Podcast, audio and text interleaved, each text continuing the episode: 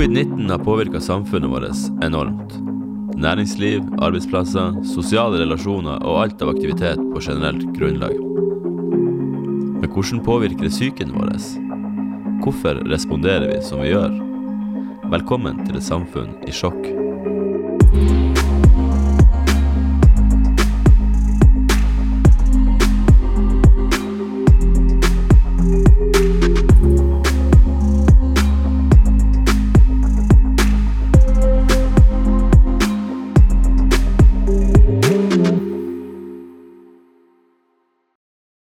De foregående episodene så har vi snakka veldig mye om eh, de direkte effektene av covid-19, lockdown, næringsliv, arbeidstakere. Vi har snakka med ei som har fått sykdommen, vi har snakka med politikere. I dag så skal vi forsøke å løfte blikket litt og grave litt dypere i mate- materie og se på hvordan menneskesinnet og verdiene våre kan ha blitt eh, påvirka av eh, koronakrisen. Og med meg til å snakke om det har jeg fått med meg deg, Mona, Gaute og Dag Erik. Velkommen til alle sammen. Mona Kiel, du er sosialantropolog på Universitetet i Tromsø. Eh, og har skrevet en eh, doktorgrad innen helsevitenskap. Kan du først eh, fortelle oss hva er egentlig sosialantropologi? Ja. Det er alltid en øvelse å forklare noe som man egentlig kan så godt med få ord. Eh, men eh, sosialantropologi er egentlig et studie det er et samfunnsvitenskapelig studie som er ganske bredt, og som handler om eh, hvordan sosiale og kulturelle relasjoner og prosesser i samfunn påvirker oss, og hva det gjør med oss som fellesskap, og hva det gjør med oss individuelt. Eh, og hvordan vi forstår hverandre, hvordan vi forstår eh, de systemene vi forholder oss til, hvordan vi kommuniserer og ytrer oss. Ja, sånne type ting. Eh, tradisjonelt innenfor sosialantropologien så har jo veldig mange studier vært gjort i såkalte fremmede kulturer. Så det har vært litt sånn eksotisk fag på mange måter. Men eh, i senere tid så er det blitt mer og mer vanlig å gjøre antropologiske studier også i Norge, og i det man vil si såkalt egen kultur. Eh, selv om egen kultur trenger jo ikke alltid å være det, men det er en annen diskusjon. Eh, sånn at hvis jeg skal si noe personlig om det, så har jeg både gjort eh, feltarbeid, som er det vanligste verktøyet vi antropologer har. Altså deltakende observasjon, hvor man går inn og er en del av et annet samfunn, observerer og deltar i hverdagsliv over tid for å bli kjent med hva som skjer, fenomener, prosesser og sånne ting. Eh, og det har jeg gjort både i, eh, i Vest-Afrika og i Nord-Norge. Eh, og for meg var det vel kanskje like eksotisk å gjøre det i Nord-Norge, selv om jeg er fra Nord-Norge sjøl, fordi at jeg gjorde det i en annen del av Nord-Norge enn hvor jeg kommer ifra. Så eh, ja. For kort fortalt så handler avhandlinga di om psykisk helse i Nord-Norge. Så vi er veldig spent på hvordan går det opp med i, i topplokket vårt her nå etter eh, de siste ja, nærmest 60 dagene som har vært eh, litt annerledes enn det vi er vant til. Ja. Og da tenker jeg eh, eh, at vi har veldig lett å tenke at den psykiske helsa sitter i topplokket, som du sier. Men som, eh, som antropolog så tenker jo jeg at den psykiske helsa handler vel så mye om eh, hvem vi er i verden, og hvem vi er med i verden. Altså våre sosiale relasjoner. Jeg tror jo det at hvordan vi har det, handler like mye om eh, hvem vi er sammen med, og hvordan vi får lov å være sammen med de vi er sammen med, for å si det på den måten. Eh, og at det å ha det bra eh, er ikke noe sånn individuell greie, men egentlig en sosial greie. Eh, og det er klart at eh, det sosiale livet vårt har jo blitt veldig innskrenka og lagt på veldig mange føringer eh, den siste tida. Eh, med tanke på hvordan vi kunne omgås hverandre. Eh, og, og så er det sånn at i en sånn moderne liv som vi mange lever, så, så har vi mange distraksjoner. Uh, vi er veldig vant med å på en måte alltid være litt sånn on the go. Og vi, vi tepper, og vi klikker, og vi melder, og vi er litt sånn der. Og plutselig så ble det litt stille, og så skal vi være litt sånn mer med oss sjøl. Og jeg tror at eh, kanskje mange har opplevd at de har møtt seg sjøl litt i døra, og at det er litt sånn ubehagelig å leve med et, altså leve et liv uten alle de distraksjonene vi er vant med. da. Um, at uh, det å være ikke bare separert fra andre, men hvor du ikke lenger har muligheten å separere deg fra deg sjøl. Fordi at du er bare tvungen til å være veldig i deg sjøl. Eh, det tror jeg kanskje har gjort ganske mye med den psykiske helsa til mange, og ikke bare de som nødvendigvis sliter i utgangspunktet. Men jeg tror at det har gjort at mange reflekterer annerledes rundt om eh, sin si, vel, velværen rent psykisk, da, for å si det på den måten. Eh, ja. Men eh, det blir å gå bra med oss? Jeg tror jo det. Jeg tenker jo det at eh, vi har eh, Det er jo et sånt mulighetsrom vi, vi på en måte står i nå. Og eh, i, i sosialantropologien så bruker vi veldig ofte referanser til f.eks. ritualer og symboler for å forstå verden. Og en av et sånn type ritual er jo det som vi ofte snakker om som overgangsritualer, eh, som jo er vanlig i mange kulturer verden over. Eh, I Norge så har man kanskje fjerna seg litt fra hva egentlig et overgangsritual er, fordi at man er så modernisert og man har tilpassa seg sånn, og, og, at ting oppleves veldig annerledes enn det vil gjøre i mer såkalte tradisjonelle kulturer. Men et overgangsritual kan f.eks. være overgangen fra barn til voksen, altså type konfirmasjon, eller det kan være det å gifte seg, eller det kan jo også være det å få en ny jobb, eller bare endre retning i livet. Og jeg tenker at eh, i antropologien så har vi altså det her med overgangsritualer, det er liksom på en måte delt inn i tre stadium. Og det første det er adskillelse. Det andre det er noe som vi kaller for liminalitet som høres litt mystisk ut, men som egentlig bare handler om at man er i en sånn eh, tilstand av verken eller. Og det tredje det er liksom reintegrasjon, altså det å gå tilbake til samfunnet. Eh, og hvis man skulle tenke seg koronakrisa i lys av eh, en sånn antropologisk forståelse av overgangsritualer, så kunne vi si at eh, 12.3, når regjeringa på en måte eh, låste ned Norge, så ble vi på en måte litt sånn atskilt. Ikke sant? Eh, vi gikk inn i en ny fase hvor vi fra har levd et liv fram til da som var forutsigbart og eh, oversiktlig for de aller fleste. Eh, så skulle vi plutselig bete oss helt annerledes overfor hverandre og, og for samfunnet og, oss sjøl og familien og i det hele tatt. Eh, og så går vi da over i denne fasen som man kan si er liminal, som er sånn den er enten-eller. Vi kan ikke helt eh, verken gripe eller begripe den. Vi vet ikke helt hva vi står overfor. Vi vet bare at nå, er vi, nå har det skjedd noe helt nytt som aldri har skjedd før, og som regjeringa understreker ved veldig alvorlig med å si at Norge har aldri vært i en sånn her tilstand i fredstid. Det er veldig alvorlig. Eh, det preger oss på mange måter, og vi vet ikke helt eh, hva som skjer, og vi vet ikke når det kommer til å endre seg. Men det vi kanskje vet, er at kan, livet blir sannsynligvis aldri helt det samme som det var før.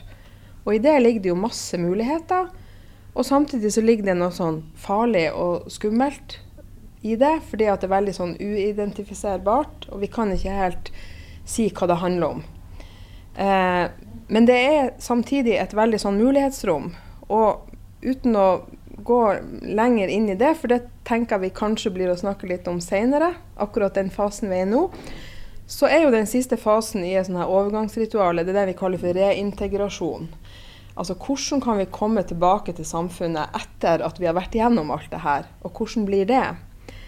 Eh, og da er det jo at man på en måte tenker seg at vi må få en ny status. Vi skal ikke tilbake dit vi var før det her viruset brøt ut. Eh, vi skal ikke nødvendigvis gjøre ting på samme måte som vi gjorde før. Eh, vi skal ha lært noe på veien, og vi skal ta med oss alle de tingene. Og så skal vi kanskje bli noe nytt, all den tid vi har potensial eller mulighet til å kunne gjøre det. Men vi har i hvert fall mulighet for å etablere et litt annerledes samfunn hvis vi vil. Ok. Dag Erik Hagerup, du er filosof og eh, jobber på UNN med fagutvikling og veiledning innenfor eh, rus og psykisk helse. kan du fortelle oss hva, er en, hva, er egentlig en, filosof? Hva gjør en filosof, og hvordan har det vært å være filosof på UNN under koronakrisen? Å være filosof på UNN, jeg kan begynne med det. Altså, det er litt rart å være filosof på UNN uansett. Fordi at man er litt Man er ikke helsefagutdanna, man har et litt annet blikk på Men det er også veldig fint, og vi er jo noen filosofer i UNN-systemet. Uh, og jeg tenker um, Vi har jo snakka litt om det å være svevende. Altså, jeg tenker Det er ofte veldig konkrete problemstillinger man står overfor i praksis. Og nå i covid-krisen så blir det veldig konkret. Det er, står om liv og død noen ganger. Så det blir jo et alvor ved det. Eh, men så tenkte jeg, Hvis jeg skal svare på hva en filosof gjør, så er det veldig mange måter å svare på det, selvfølgelig. Men jeg tenker en måte å snakke om det på som gir mening for meg i denne sammenhengen, det er sånn grunnleggende sett så sier man at filosofi det, er, det handler om en kjærlighet til visdom, en lengsel etter visdom. Og hva er, hva er, det man lengter etter når man lengter etter visdom? Så tenker jeg, Da lengter man etter en klok måte å være i verden på. Altså, når, vi, når vi tiltaler noen som vis, eller vi snakker om noen som vis, så opplever jeg at det er det vi snakker om. Altså det er noen som har et fortrolig forhold til sin verden, og som forstår den, og som er klok, som bruker sin kunnskap klokt. Um, og egentlig så tror jeg det er det man prøver å tilegne seg. Og filosofien forsøker jo å forstå og forklare. Og beskrive. Og på en måte gjøre en slags forsøk til å gi et bilde av hvordan virkeligheten kan være. Og det er ikke nødvendigvis helt riktig, det man det, Jeg tror det er en undring. Mange ganger er det også mye tvil. altså Man, man tviler på. Og denne covid-situasjonen den har jo også satt tvilen på kartet.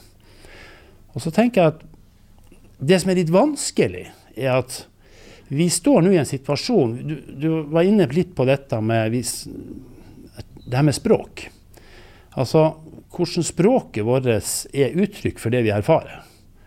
Og det er litt paradoksalt nå at vi har ikke opparbeida et språk for å beskrive egentlig helt hva vi er inne i. Så det blir mye sånn Jeg, jeg hørte noen som sa at nå hører jeg en gang til noen som sier 'i disse koronatider'.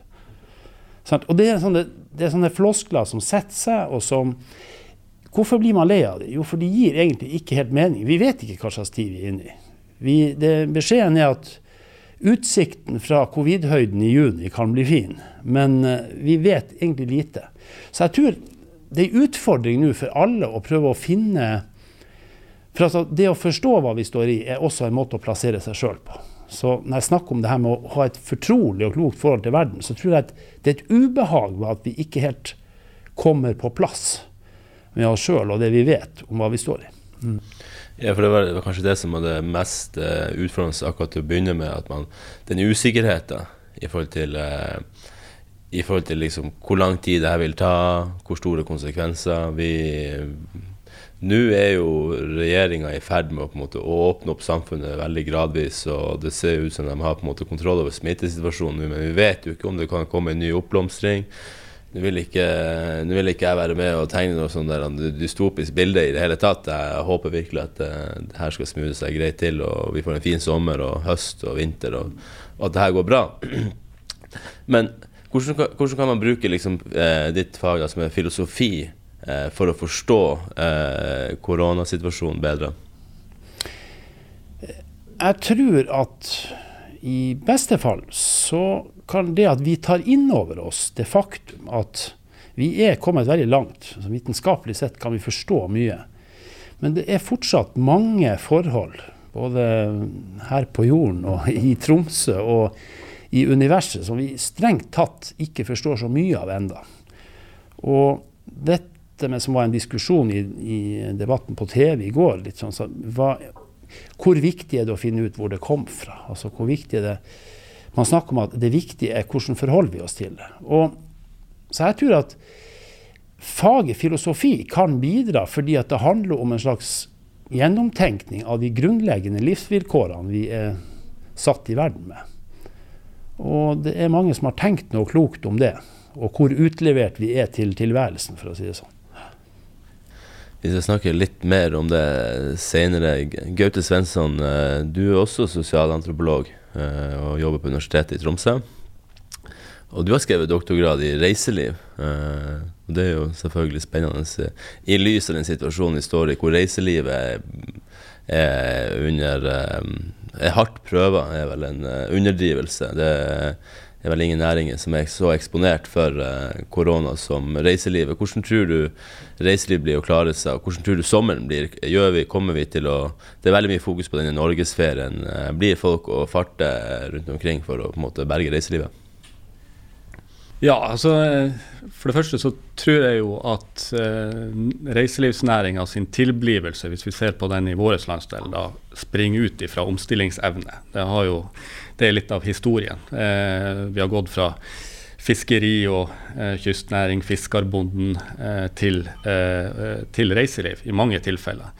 Eh, så næringa eh, sin tilstand som sådan eh, er godt egnet til den omstillinga som vi kanskje står overfor og måtte gjennomføre i næringa som sådan. Men sånn skråblikk fra sett fra reiselivsståsted på de siste ukene er jo selvfølgelig veldig interessant. da, for det at det er interessant å legge merke til at alvoret, sånn som det kom fram i media først, i de første ukene, kanskje ble tydeligst når folk ble tatt fra muligheten å dra på hytta. Da var det ho! Det liksom, nå, er det, nå er det alvor. Nå er det virkelig smelt der. Det var kanskje noen fotballtilhengere som var mer bekymra for om Liverpool får tittelen sin eller ikke. Da. Men, ja, eh, men, men, hytta, ta fra folk hytta, da, da, begynner vi å bli redde. ikke sant? Eh, for det her, da er det alvorlig.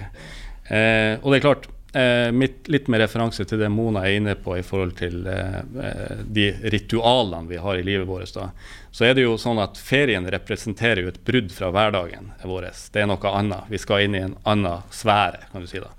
Eh, og, og, eh, de siste 40-50 årene så har ferien blitt ekstremt viktig for oss til å markere en, en avstand fra hverdagen vår i en eller annen forstand. Eh, og Derfor er det jo nok mange holdt på å si, eh, i befolkninga som er bekymra for det her. fordi det, det, er veldig veldig viktig for oss. Eh, sånn at Ja. Men altså, jeg tror jo at Og, og det har jo vært sånn at, at, ferien har jo for de aller fleste vært synonymt med å kunne reise til utlandet. Sånn har det vært de siste 40 årene. De første charterturene kom for om lag 40 år siden og har på en måte overlevd veldig lenge. da. Eh, så, eh, sånn at jeg, eh, jeg, tror det her føles eh, veldig dyptgripende for mange. Så den omstillinga som jeg da snakker om, som reiselivet står overfor, den har man jo på mange måter forberedt seg litt grann på, da, eh, i den forstand at eh, eh, man har prøvd å gjøre folk oppmerksom på hva som er eksotisk hjemme. Vi har tradisjonelt sett prøvd å oppleve noe som er veldig annerledes når vi drar på ferie. Det eksotiske er alltid i utlandet, men nå må næringa overbevise deg og meg og oss andre om at det eksotiske det har vi her hjemme. Vi har det utenfor stuedøra, vi har det i Lofoten. Vi har det i Kvænangen og vi har det i Nordreisa rundt omkring i, i lokalsamfunnene. Eh, I Reisadalen f.eks. Eh, i det skiftet der, så I reiselivet så snakker man jo ofte om attraksjonsskygge. så Når man bygger opp en destinasjon eh, for eh, en målgruppe der ute, et marked der ute, så sier vi at hei, kom og se på nordlys, eller kom og se på hvalen. ikke sant? Og i den bygginga av en destinasjon og markedsføringa, så er det noe som blir trukket frem, men samtidig er det noe som automatisk havner i bakgrunnen, altså eh, attraksjonsskygge. Eh, og den, den, er litt annerledes som vi snakker om hjemmemarkedet, når, skal, når reiselivsnæringa skal overbevise deg og meg om at eh, vi har eksotiske ting som er verdt å besøke her hjemme. Så da må vi trekke fram eh, elementer eh, ut av attraksjonsskyggen. Og det er en litt annen jobb enn når du jobber med noen som skal komme fra Japan eller, eller Kina eller England. For at, jeg tenker jo det at i forhold til reiseliv og det kan jo, det kan jo tenkes at nordmenn eh, denne sommeren oppdager landet sitt. Det har allerede vært eh, snakka om det liksom, i flere forskjellige fora, men jeg tror det kommer til å skje i praksis også. At vi, vi tvinges til å reise innenlands. Vi har lyst til å um, besøke områder vi ikke har vært i før. Sørlandet f.eks. vil være eksotisk for oss, og vice versa for dem. Eh, det å besøke Tromsø, som du er på, Kvænangen, Reisadalen, Lofoten ikke minst. Eh, jeg kan jo bare ta og jeg kan kun snakke for meg sjøl, har jeg funnet ut. og det er mer enn nok. Men, men, sånn som i fjor sommer, så var jeg tre-fire dager i, i, Kroatia på festival. Jeg kom hjem til Finnmark. Eh, jeg skulle hatt ferie, men jeg har aldri vært så sliten. Og det har gått eh, ja, i overkant av 30 000 på Jeg tror ikke jeg blir kjent med ett nytt menneske i løpet av oppholdet, egentlig. Og generelt, eh, generelt er det sånn Jeg tenkte sånn Så reiser jeg til Lofoten senere den sommeren. Jeg er der i to uker. Og så da, når jeg er ferdig med det oppå det, da har jeg fått den energien jeg trenger, den jeg vil ha fra ferien. Jeg har brukt kroppen, vært i aktivitet osv. Eh, jeg hadde leid oss et hus i Kabelvåg, veldig idyllisk. Og da bestemte jeg meg for til neste år så blir det ikke jeg reise til Kroatia. Det er irrasjonalitet satt i system. Eh, sånn at kan det tenkes liksom at, uh, at det her betyr også vedvarende endrede reisevaner for nordmenn? At vi blir flinkere å feriere i, i, eget land, ikke bare denne sommeren, men på permanent basis? Ja, det, det vil jeg jo tro. Eh, litt sånn fleipete sagt så kan du si at, uh, at korona har gjort mer for å skape et, et innhold i bærekraftig reiseliv Eh, for reiselivsnæringa enn det reiselivsnæringa sjøl har klart å gjort eh, de siste 40 årene. Det er veldig mange som med rette er uenig i et sånn type utsagn, men det er klart at det, den, den, har vært så enormt dramatisk, den omveltninga. Og det er klart CO2-avtrykk uh, og de parametrene der som man måler bærekraft på, så er det jo åpenbart at, at omstillinga der har jo vært enorm. men så tror jeg jo nettopp det her med, som du er inne på, det er at mange søker Eh, det eksotiske hjemmet, og er i større stand evne å oppdage det kanskje også. Eh, og at det blir eh, viktigere. Og at vi på en måte, hvis man snakker om eh, hvordan vi eh, anerkjenner de valgene og verdivalgene også, så kommer man til å få større kreditt for å gjøre de valgene bevisst også. Sånn at du kan på en måte sosialt si at du kapitaliserer på å gjøre de bevisste valgene i forhold til å være eh, være aktiv i de valgene også etter at vi kan reise ut. da.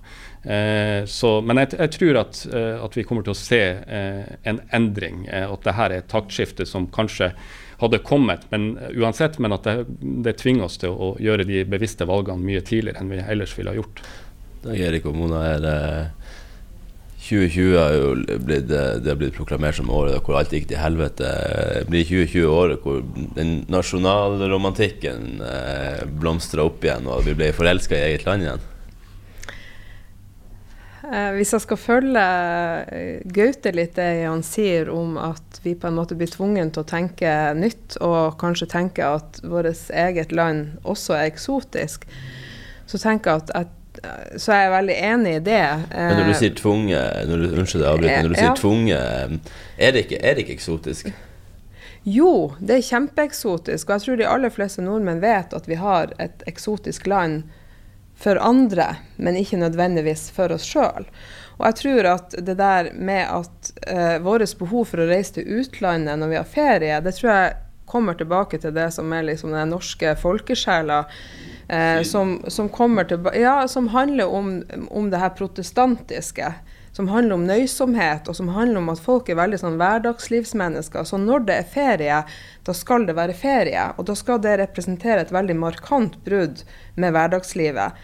Og det blir det ikke nødvendigvis oppi hodene våre med å dra fra Tromsø til Lofoten på ferie det bruddet blir på en måte ikke markant nok. Det er ikke, det er ikke ferie nok for mange. Eh, det blir, altså, da blir Kroatia, som du nevnte, eller Italia eller Spania eller Thailand, eh, blir mer eh, tenk, tenkt om som ferie, eller opplevd som ferie. Selv om vi alle vet at vi kan ha en like bra ferie som er like meningsrik og bra, sånn som du, din historie fortalte her i sted, så er det noe med hvilken forestilling vi har om hva en ferie skal representere. Eh, sånn at eh, så jeg tenker det at det her gir oss jo en mulighet til å tenke annerledes om Fordi at vi kan ikke lenger eh, agere sånn som vi har gjort, så blir vi nødt til å tenke annerledes. Og på den måten så kan det jo være at vi faktisk kan eh, oppleve det også. Vi kan se det med nye briller. Vi kan se Nord-Norge eller Norge eh, med nytt blikk. Og mange av oss har jo kanskje feriert mer i utlandet enn vi har gjort i eget land. Eh, sånn at jeg tenker at det er, det er, masse muligheter i det, men jeg tror at utgangspunktet er at mange av oss opplever det som et slags tap. fordi at vi har noen forventninger og forestillinger om hva er ferie, og hva er avslapning, og altså Ja. Vi, vi, vi tenker annerledes om, om et veldig eh, markert eh, brudd mellom hverdag og fest, kan man si det. Hvis man skal si det på den måten. Eller hverdag og ferie. Ja. Nei, jeg tenker du var jo litt inne på det. Du snakka om det med distraksjon. Altså at det, der, det er klart at når muligheten for å flykte som du sier, man kan bare ta utgangspunkt i seg sjøl.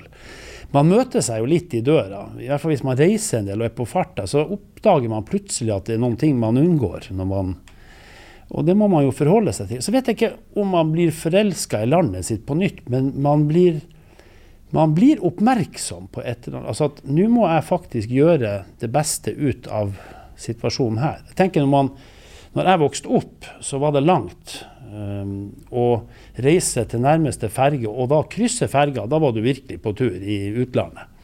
Så det, det har jo flytta seg sånn, den der grensa. Så, uh, men jeg tror man blir, man blir, mer opptatt av hva er det jeg har lyst til å se da i mitt land, som jeg ikke har sett. Uh, sånn at um, ja. Mm. Jeg, tror, jeg, tror, kanskje mye ut av det her også handler om eh, det her eh, som vi vel har snakka om, eh, eller tenkt alle, litt det her mulighetsrommet som vi snakker om, som er på flere nivåer. Men, men det der med at en ting er å uh, ikke kunne dra til uh, Spania på ferie fordi at du ikke har råd, eller du ikke har tid, eller hva det nå enn måtte være. Men du vet at på et eller annet tidspunkt kan jeg gjøre det. Når du kommer i den situasjonen som vi er i nå, eh, hvor ting er sånn altså I uoverskuelig framtid så er vi ikke helt sikre på når vi kan reise eller gjøre andre ting. Så blir bare den der eh, tanken om at vi ikke vet eller kan overskue eh, sånne ting, blir litt sånn utholdelig. Og den blir litt klaustrofobisk for mange. Og det er klart at når du da skal, det skal selges inn en idé om at ja, men hei, vi har jo norgesferie, så kan jo det være litt sånn problematisk for noen. fordi at den norgesferien kan på en måte ikke demme opp for alt det som du på en måte kjenner at du burde ha fått utløp for i utlandet. For det, det, er sånn du er vant til å gjøre det. Det er en måte du har vært vant til å oppleve verden på. Eh, så derfor tenker jeg at, og, og, i det ligger det jo en mulighet. Eh, fordi at vi må faktisk bare lære oss å tenke litt nytt. Og det, og det er jo masse i det. Også bærekraftighet, selvfølgelig.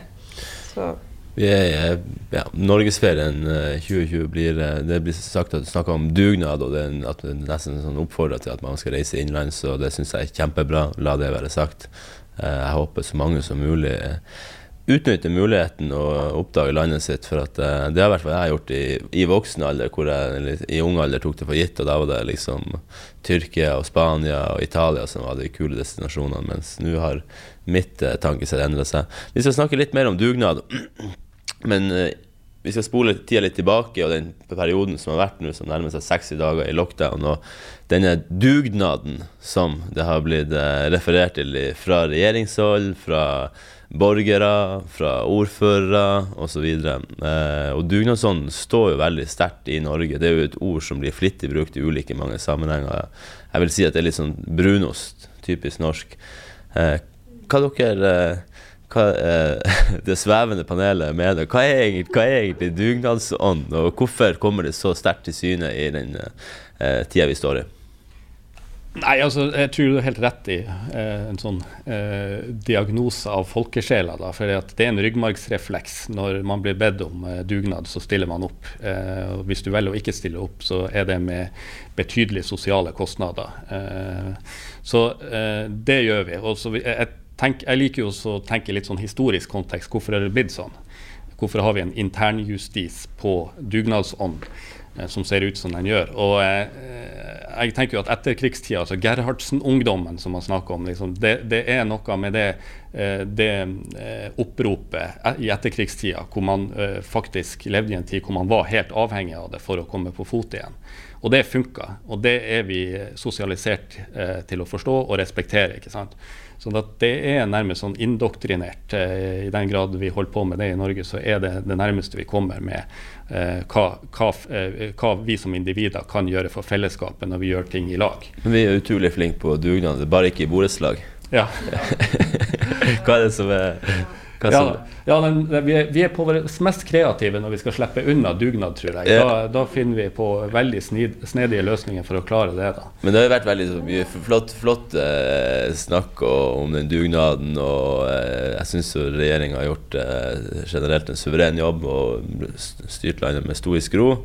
Men det refereres jo ofte til den dugnaden, og det er jo eh, eh, Og som du er litt inne på, den der eh, justisen i forhold til liksom sånn, de som de som eh, eventuelt må bryte ut av dugnadsmønsteret og har dratt på hytta. Altså jeg, jeg, så jo, Det dukka jo opp på TV 2-nyhetene at uh, Therese Johaug og kjæresten var, var liksom uh, tatt i, uh, i, hytteforbud, eller altså de var, hadde brutt i hyttereglene. Så det var jo nesten verre oppslag enn å bli tatt for doping.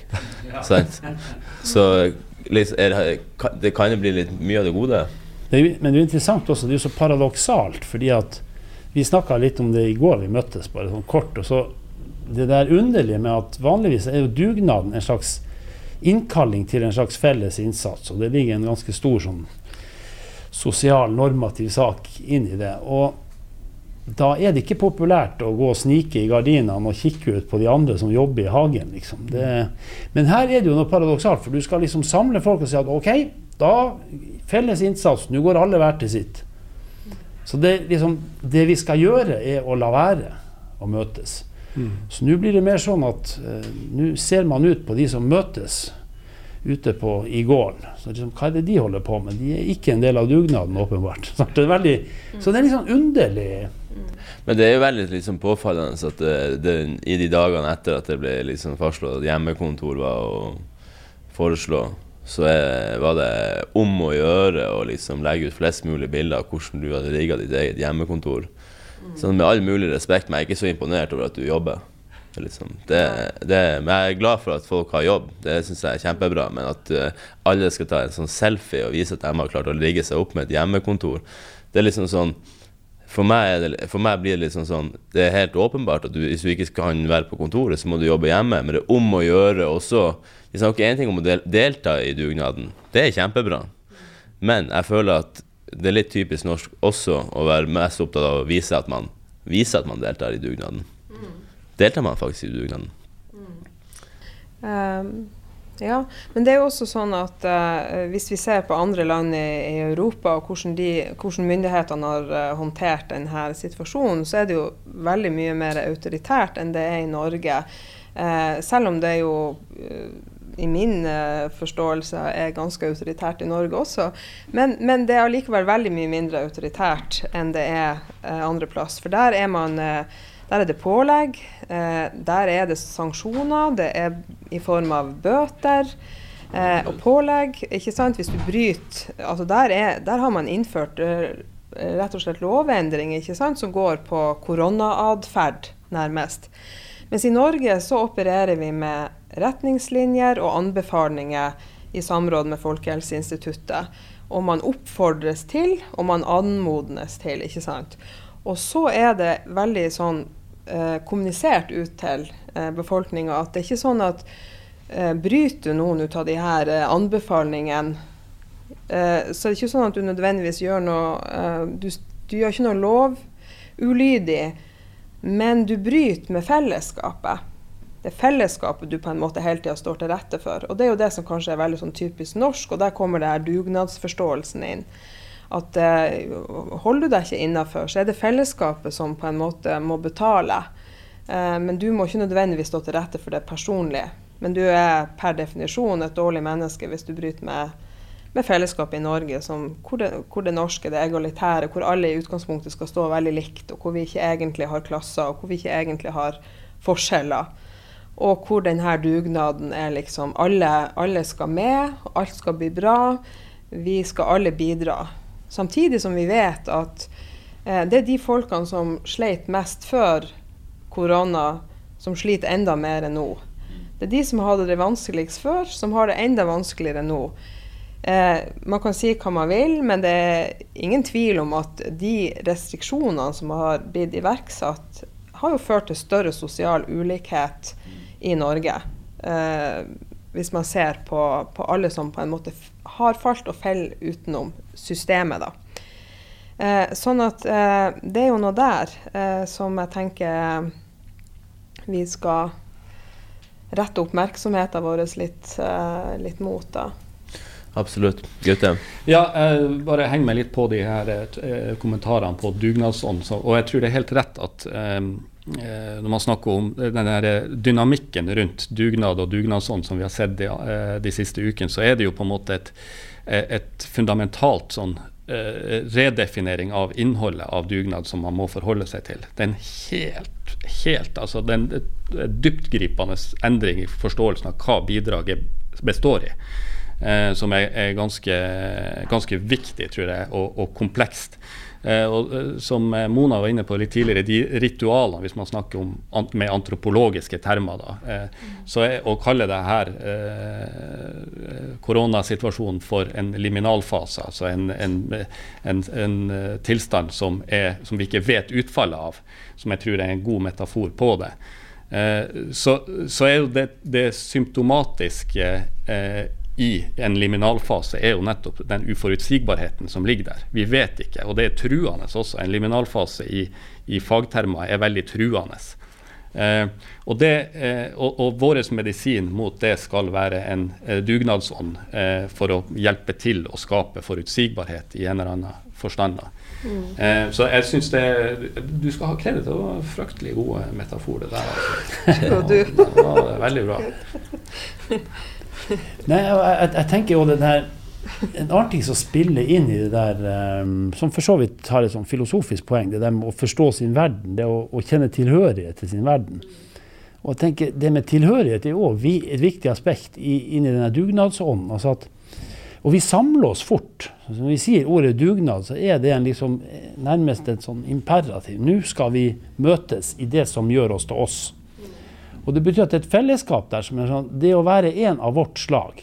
Og det er jo nettopp det, når du ikke er det når du er i borettslaget, så blir det man fort Man merker det. altså at nå er du ikke en av oss lenger. Og jeg tror det er det som gjør det litt vanskelig at det vi skal forenes om, er at vi skal være mer separert.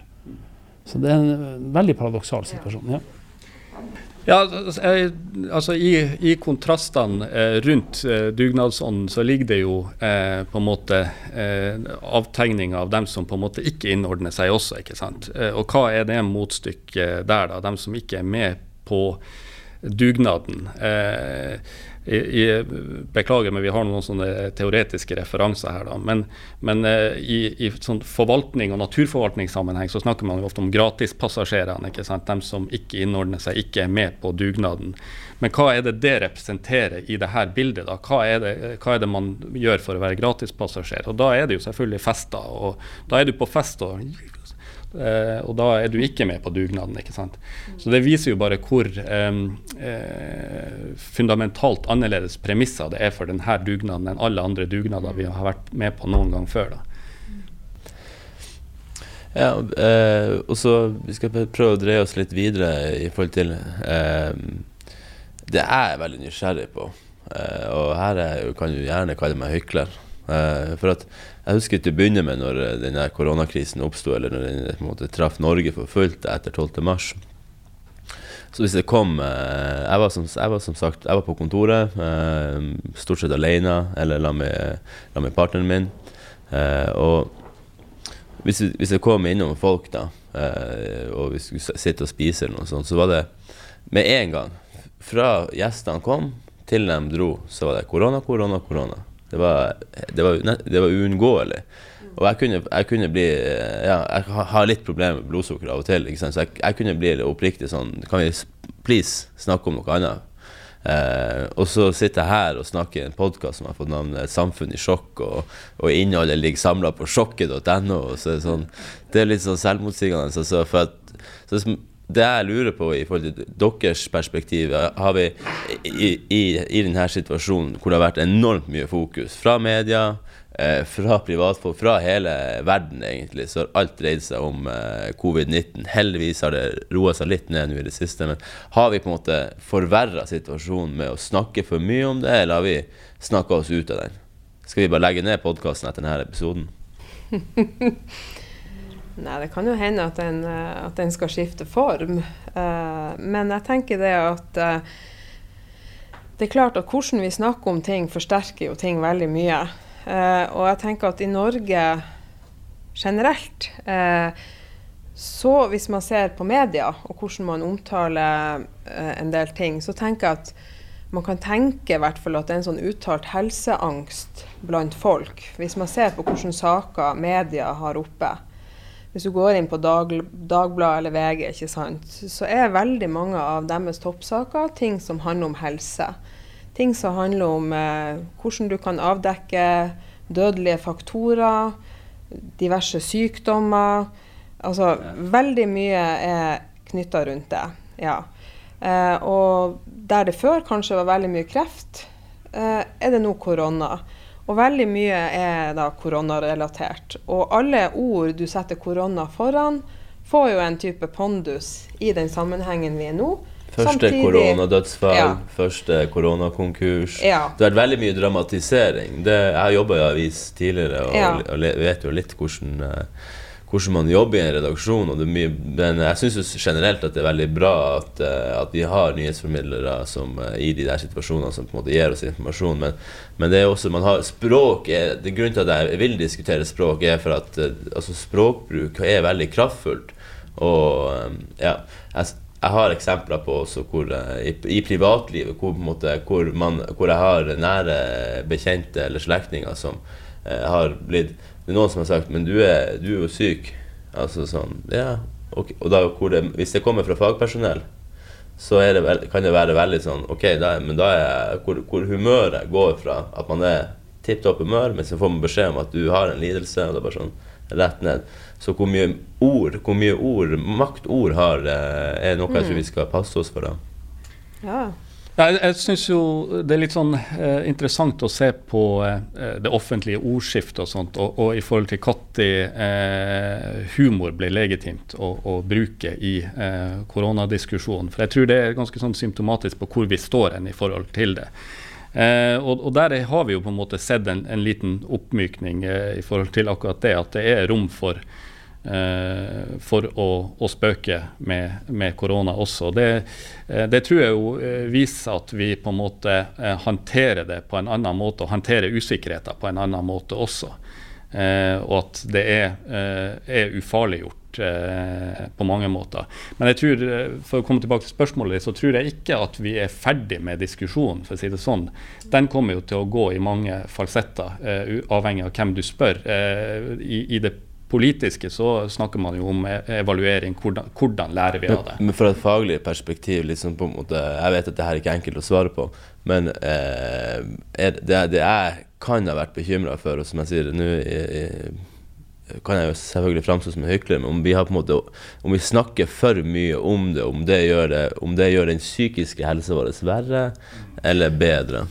Altså, jeg tenker jo at det er vanskelig å si at vi snakker for mye om det, på en måte, for vi, vi, har jo ikke hatt noe valg. Men jeg tror vi begynner å merke alle at det er en tilstand som ikke er som alle andre. som vi har en sånn, Den har vart, og 60 dager er ganske lang tid. sånn at jeg tror noe av utmattelsen går på at det er ikke til å unngå at i private sammenhenger, i alle sammen, så er det noen som kaster seg litt på denne snakkesaligheten som vi får etter hvert, med et vokabular som vi ikke nødvendigvis helt verken behersker eller forstår. men og hvor det blir mye sånn Nei, nå altså, burde vi åpne, fordi at uh, barn smitter ikke hverandre. Altså, de her diskusjonene frem og tilbake, hvor noen tar på seg rollen i et privat, en privat sammenheng for å liksom være nå er det fordi de har hørt på radioen i morges, og så hører du noe nytt på radioen neste morgen. Jeg har en, eh, jeg har en regnskapsfører eh, som jeg har snakka om tidligere, i den, faktisk den første episoden, og da sa jeg at mange av de bedriftene jeg jobber med hadde gått konkurs. Det er ikke tilfellet, så det vil jeg bare få, få retta opp i en gang for alle. det hengte meg, så Jeg ble litt overivrig, men han har gjort en god jobb og fått ja, dem er i god drift alle sammen. Men, men Ja, han eh, kan, et, På et tidspunkt så meldte han liksom at han hadde plutselig fått informasjon om at vi mente at vi alle burde gå med den masken. Og så måtte jeg spørre han sånn Har du blitt overlege? Det, det, jeg føler at uh, han er en utrolig flink regnskapsfører, men han har ikke, han, med all respekt, han har ikke medisinsk-faglig bakgrunn til å uttale seg om vi bør gå med de maskene eller ikke. Og jeg føler det blir plutselig enormt mye lommeleger i landet. Ja, men, ja. Nei, men Det er litt det som jeg, jeg var inne på i sted, med snakk om det med helseangst, og hvor den på en måte kan ha blitt forsterka i det her koronabildet. Og også det som vi snakka om innledningsvis, om hvordan uh, psykiske helser er kanskje mest styrt av, av, våre sosiale relasjoner. Så tenker jeg det at eh, hvor folk har plassert seg i landskapet med tanke på hvordan de forstår det her viruset, og, og hvordan hvordan det her arter seg, har jo, tror jeg har prega mange relasjoner. Fordi at jeg tror mange har opplevd at folk de har tenkt de kjente godt, har agert veldig annerledes enn forventa. Eh, og at eh, jeg tenker det at helseminister Bent Høie den 12. mars eh, og i dagene etterpå eh, langt på vei definerte nærmest halve Norges befolkning i en potensiell risikogruppe med de sykdommene han nevnte, gjorde at mange på en måte at, at, det ble veldig alvorlig for mange. Og det er kanskje en del mennesker som i utgangspunktet er, er, har vært litt isolert og vært litt ensom og vært litt, eh, hatt litt utfordringer. Og da blir det veldig sånn forsterking, en negativ forsterking av deres eh, liv og tilstand, som på en måte kommer til eh, kommer ut som en sånn veldig sånn helseangst. Og hvor det er folk som kanskje strengt tatt burde ha vært mer sosial, har blitt mindre og, og kanskje vil være det i lang tid. Sånn at prisen man betaler eh, for, å, for, å, overleve, er på en måte kanskje større enn det å, å leve. Og, og verdien i, i, i, overlevelse på en måte langt på vei og overgår selve livet, kan man si. Det hørtes jeg litt filosofisk ut. Ja, litt grann. Vi, vi, vi, vi, lever altså evig, gutter. Uh, nei da, det, var, det bare slo meg det. Jeg tror du har helt uh, rett i, i, det her at vi på en måte de siste ukene har opplevd at det, det er mange med, etter noen minutter med lesing på Facebook som uh, påberoper seg ganske sånn tung medisinsk kompetanse og kan uttale seg med stor trygghet i forhold til det her. da. Så, eh, og det, det, er jo litt det samme vi opplever når vi sitter og ser på tippekampen. At vi, vi skulle egentlig vært ute på banen og gjort det her sjøl, for vi gjør det jo bedre enn kunne ha gjort det ganske mye bedre enn dem som spiller der. Eh, så jeg, jeg, på mange måter kjenner meg jo litt igjen i det. altså vi vi føler jo at vi er meningsberettiga, i hvert fall, og det er vi jo selvfølgelig. Ja, vi har jo ytringsfrihet. Ja. Det er sant. Og i forhold til eh, deg som jobber på UNN, eh, Dag Erik, og det har jeg lagt merke til, og så innser jeg at det er veldig vanskelig å styre så, over så mange mennesker som har hver sin individuelle ytringsfrihet. Men det var en periode hvor, hvor eh, som jeg nevnte når jeg snakka med visedirektøren på UNN, at da jeg våkner om morgenen, så har jeg min rutine hvor jeg sjekker, hvor jeg sjekker mm, de store avishusene og TV-kanalene. Og da var det som regel toppsak hvor eh, de en, enten et fagpersonell meldte noe om sånn og sånn, og dagen etterpå så var det noen som dementerte og sa det var, det var helt feil. Og så var det det var egentlig bare en evigvandrende ordkrig med motsetninger. Og det kommer jo fra fagpersonell. Og da tenker jeg liksom sånn For oss, oss vanlige borgere som ikke er verken filosofer eller jobber på UNN eller har medisinsk eh, innblikk, så det, kan det være veldig sånn eh, forvirrende å forholde seg til hva er det, hvor alvorlig er det egentlig.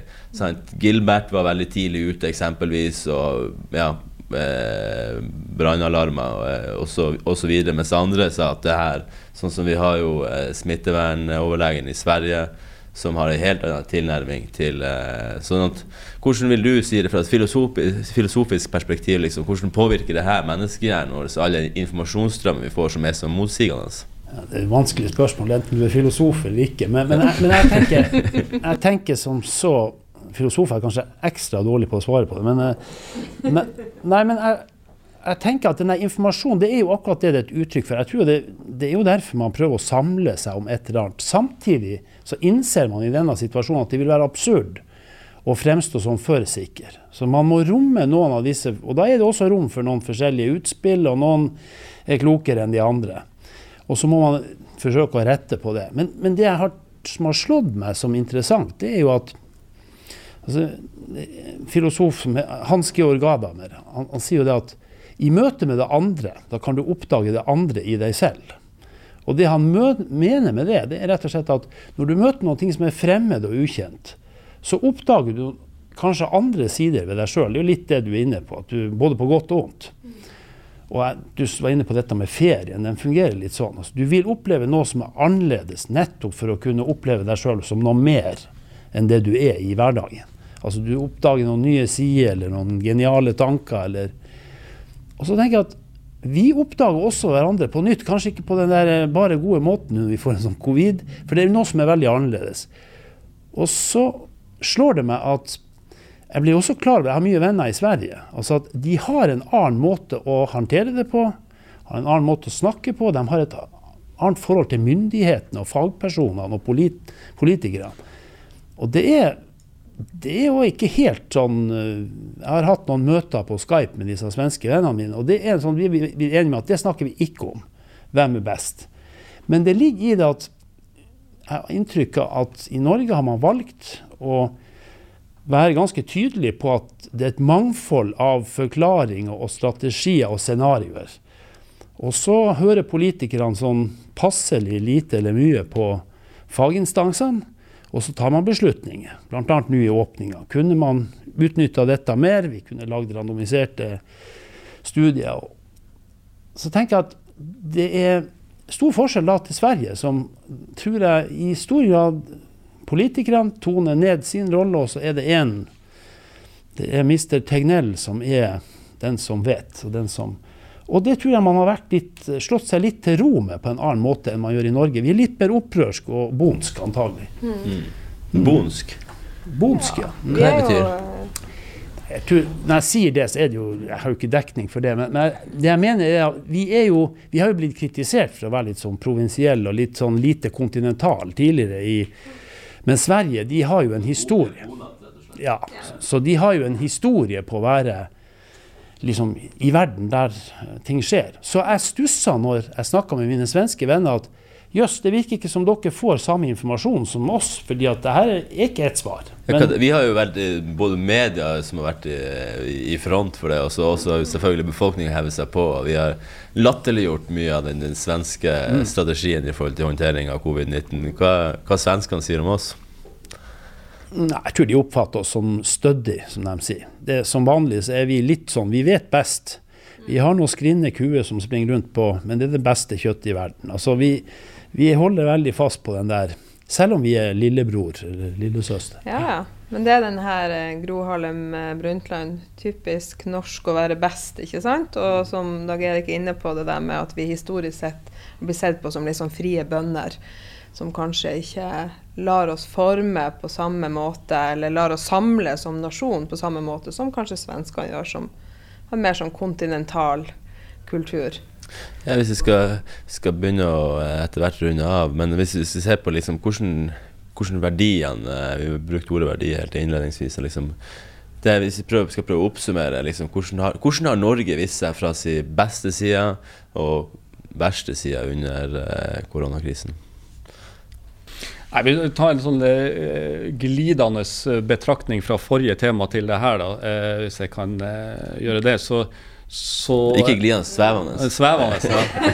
eh, kan paraglide oss videre. så tenker jeg at det du er inne på, som er litt det egentlig som handler om, om det, det off debattklima, offentlig ordskifte og sånt, så har vi jo på en måte hatt en distanse til den amerikanske konteksten. ikke sant, Fake news og hele den pakka der. og vel, hatt en naturlig avstand til det. At vi har vært skåna kanskje for det. Men det her vi har opplevd de siste ukene, er jo på en måte en informasjonstsunami. Eh, hvor det har vært en maktkamp i forhold til kunnskap, kanskje. Eh, og hvor den har kanskje bestått i Og, det er også en verdikamp, da, ikke sant. Eh, på mange måter. Fordi at eh, det, det, har kanskje ikke vært sånn at man at eller Tradisjonelt sett har man sett på kunnskap som makt. ikke sant? Men mens nå snakker vi om eh, makta ligger i å definere hva slags kunnskap som skal gjelde. ikke sant? Hva skal vi tro på? eh, i dette bildet, og i det, i det, offentlige ordskiftet og i debatten som går da. Og det, mye, og det, er en del av den usikkerheten også som vi eh, har måttet eh, forholde oss til. Eh, og til syvende og sist eh, så, så, er jo det også et verdispørsmål. For mister vi tiltrua til makthavere eller media, så, eh, så er jo det da et, et demokratisk problem. altså. Og det er noe, mange av grunnverdiene våre i samfunnet som hviler på akkurat det, den tilliten der. Mm. Mona, hvordan syns du Norge har vist seg fra sitt beste? Og jeg må påpeke at uh, vi er liksom uh, Jeg syns jo uh, Jeg syns jo at Kan jeg komme med min mening? Men bare Jeg syns jo f.eks. at måten vi forholder oss til kø vi har jo vært kanskje må jo vært på topp ti-lista av verstingene på køkultur i, i verden tidligere. Er liksom sånn, vi står i kø, men vi forholder oss ikke til køa. Eh, sånn sett, eh, Nå er det blitt eh, vi har, Hvis man møter folk på gata Vi har ikke vært kjent for å være veldig ivrige på å hilse på hverandre. Takke for maten har vi aldri praktisert. Det er en del sånne type ting som ikke har vært så typisk norsk, jeg nå føler liksom at folk har eh, tatt et steg tilbake, kanskje, og begynner å sette pris på de tingene man ofte har tatt for gitt tidligere. Og det er jo en, en, eh, et fint, eh, et fint eh, Hva skal jeg si Et konsekvens så langt av covid-19, tross alt oppi all elendigheten, selv om det ikke har vært så elendig her i Norge, da. Så hvordan syns du liksom, at Norge har vist seg fra sin beste og verste side? Nei, jeg tenker vel det er litt sånn i forlengelsen av det du sier. Jeg har også opplevd at uh, altså i Norge så er det jo f.eks. sånn at folk hilser jo ikke på ukjente på gata, men man hilser jo på hverandre når man går i fjellet eller i naturen. Det er jo en sånn veldig norsk ting som mange utlendinger har kommentert. Um, og jeg har jo opplevd at det faktisk er flere mennesker som nå har begynt å hilse også på gata eller sånn i andre settinger, og ikke bare hvis du er på tur. Eh, og at folk kanskje ser litt mer henvendt ut og, og ja har noe mer er, er, litt mer åpen mot verden, da. Og det tenker jeg jo absolutt er bra. fordi at eh, bortsett fra oljen, så har jo på en måte godhet vært Norges fremste eksportartikkel med tanke på bistand og alle sånne prosjekter som vi har ønska å ha ute i verden. Men så har vi kanskje ikke vært så gode å omsette det hjemme i Norge blant hverandre. fordi at det her med sosial distansering er jo på en måte noe som er kroppsliggjort i, blant nordmenn i utgangspunktet. og Derfor har det kanskje ikke vært så utfordrende for alle heller. Men så er det det at forskjellen ligger jo i det at når du kan velger å være sosialt distansert versus å være på en måte påtvunget det på et vis, så merker man kanskje det at ok, kanskje vi egentlig har litt mer behov for det sosiale livet og det her eh, som faktisk egentlig er limet i samfunnet vårt, at vi ikke er alene og sitter på hvert vårt ness, men at vi er et fellesskap. At det blir mer og mer tydelig. Og at det har blitt mer og mer tydelig blant folk. Og det tenker jeg er noe som vi kan ta med oss videre.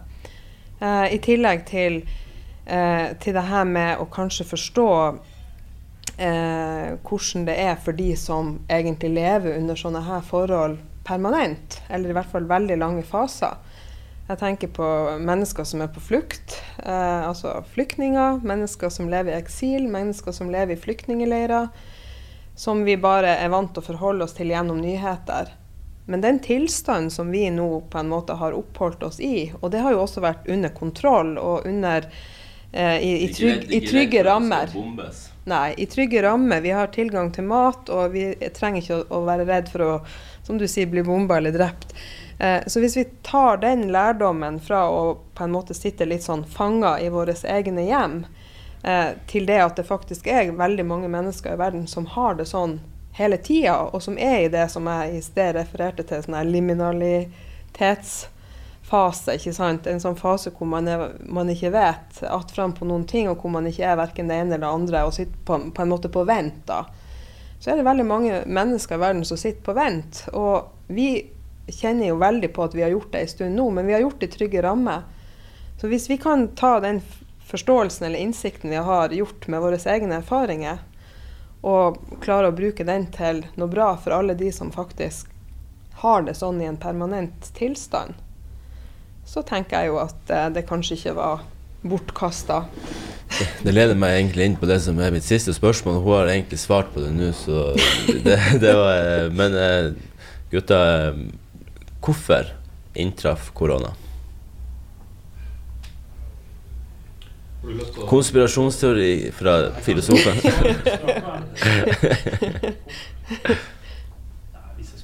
Hvorfor inntraff korona? Hvorfor inntraff tsunamien for mange år siden?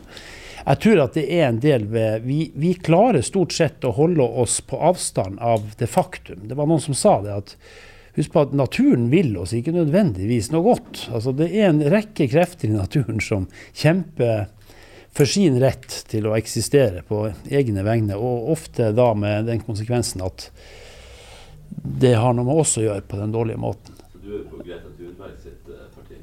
Nei, jeg har ikke så lyst til å være på verken en eller andre partiet. Det, det, jeg vil si, det er at det er naturlig at vi omgir oss med denne typen eh, organismer. Om de kommer fra ville dyr eller hva de kommer fra, så er det litt med at vi må regne med at vi må, vi må kanskje innrette oss etter naturen i noen sammenhenger hvor vi ikke har gjort det tidligere. Men det andre som er ja, Egentlig er det ikke et varsko heller, fordi at dette er en del av våre livsvilkår. og Det er det jeg mener. Det er veldig grunnleggende at sånn er det. Vi kan bli syke i morgen. vi kan, uh, Nå er vi blitt kollektivt utsatt for noen ting som rammer hele verden, og det er litt uvanlig. Og det er klart at der uh, ja. Ja, jeg tror jo sånn, i, i, en sånn her eksistensiell eh, sammenheng så kan man vel si at vi som individer har lite problemer med å akseptere at vi skal dø en gang. Men når vi snakker om sivilisasjon mer, så, eh, så, blir det jo litt sånn apokalyptiske dimensjoner over det. og Vi blir eh, fryktelig redde og får på en måte det, det eh, spaltemeterne med debatt og, eh, og media sin omtale av det som følger naturlig av det. Og det er nok det som har på en måte vært eh, en god del av eh, årsaken til den usikkerheten som vi har stått i også. Hva betyr det for eh, menneskeheten, rett og slett? Hva betyr det globalt, ikke bare Norge? Vi er alle eh, ramma mer eller mindre på samme måte av det. Mm. Og samtidig kanskje det som jeg var inne på i sted, liksom, hvis vi tenker på verdier, hva skal vi hegne om? Er det viktigst å overleve, eller er det viktigst å leve? Kan jeg, kan en liten som jeg satt og tenkte på i sted, for noen ting som kanskje vi ikke har kommet oss til å snakke så mye om. men det, det at vi opplever fraværet av en del ting. Og veldig mange, Jeg snakker med mange mennesker i veiledning i andre samtaler hvor folk sier at vi er slitne uten å helt vite hvorfor. Og at det er noen sånne grunnleggende ting som vi bare merker i dets fravær. Altså det er litt sånn hvis du har tillit, det har vi stort sett til hverandre, men når du opplever mistillit, så opplever du at da har du det ikke bra. Så slår det meg at vi hadde fire kompiser. Vi møttes tilfeldig utafor polet. Og så ble vi stående og snakke litt i noen minutter. Og én gikk til og med ned i garasjen og kom opp igjen fordi at vedkommende hadde sett oss. Og den der savnet etter noe sånn sosialt. At det er faktisk til stede hele tida. Og det har jeg nok undervurdert. Altså, disse små møtene som du har rundt omkring, at de betyr ganske mye. Så nå har det blitt sånn at nå er vi enige om at jeg tror det er en som sa at det er sånn sniksosialisering. Vi møtes tilfeldig utenfor polet klokka fem. jo, men det er et veldig godt eksempel på at du ønsker Du merker at noe er borte som vi vanligvis tar for gitt. Mm. Ja, Hvordan sier... vinmonopol er det vi møtes på? ja. Kan jeg ikke røpe. Nei, og, og, jeg tenker også uh, i forlengelsen av det som Dag Erik sier, at uh, nå har det jo vært sånn i den offentlige debatten i Norge, og, og, Vesten for den del, ikke sant, så har vi jo hatt noen sånne såkalte fiender, eller fiendebilder, ikke sant. Og det har vært Vesten mot resten, det har vært islam, eller høyreekstremisme, ikke sant, men veldig mye islam. Uh, og så tenker jeg at hvis et uh, usynlig virus er vår felles fiende, så ligger det jo noe potensial i det for å, å samle verden mer uh, og bli mer lik og jobbe sammen mot mindre ulikhet sosialt og kulturelt sett ellers enn uh, ikke sant? Hvis, hvis korona kan overskygge manges frykt mot islam f.eks., så har vi jo kanskje kommet et stykke, tross alt. Siste spørsmål går til mannen fra nasjonalparken. Eh, blir det å gå bra med oss her i Norge? Ja, jeg eh, tror glasset der er halvfullt. Eh, sånn, hvis jeg tar det her reiselivsnæringsbrillene på, så tror jeg jo at det kommer til å, vise at vi, vi, har omstillingsevne, og vi kommer til å respondere eh, greit på det. Eh, nå sitter vi på en grein i verden også her som eh, vi, eh, vi, nok skal være glad for at vi gjør. Vi kommer til å både overleve det og økonomisk, men også sosialt og kulturelt, hvis man kan si det sånn. da. Ok. Tusen hjertelig takk for at dere var med oss og bidro med et uh, faglig uh, innblikk og svevende skråblikk i denne debatten. Utrolig spennende å høre litt uh, andre perspektiver. Ehm, neste gang så skal vi snakke om idrett og kultur, og hvordan sommeren 2020 kommer til å bli. Og eh, det kommer nok til å bli en god sommer, det håper vi. Takk for at du så eller hørte på. På gjensyn.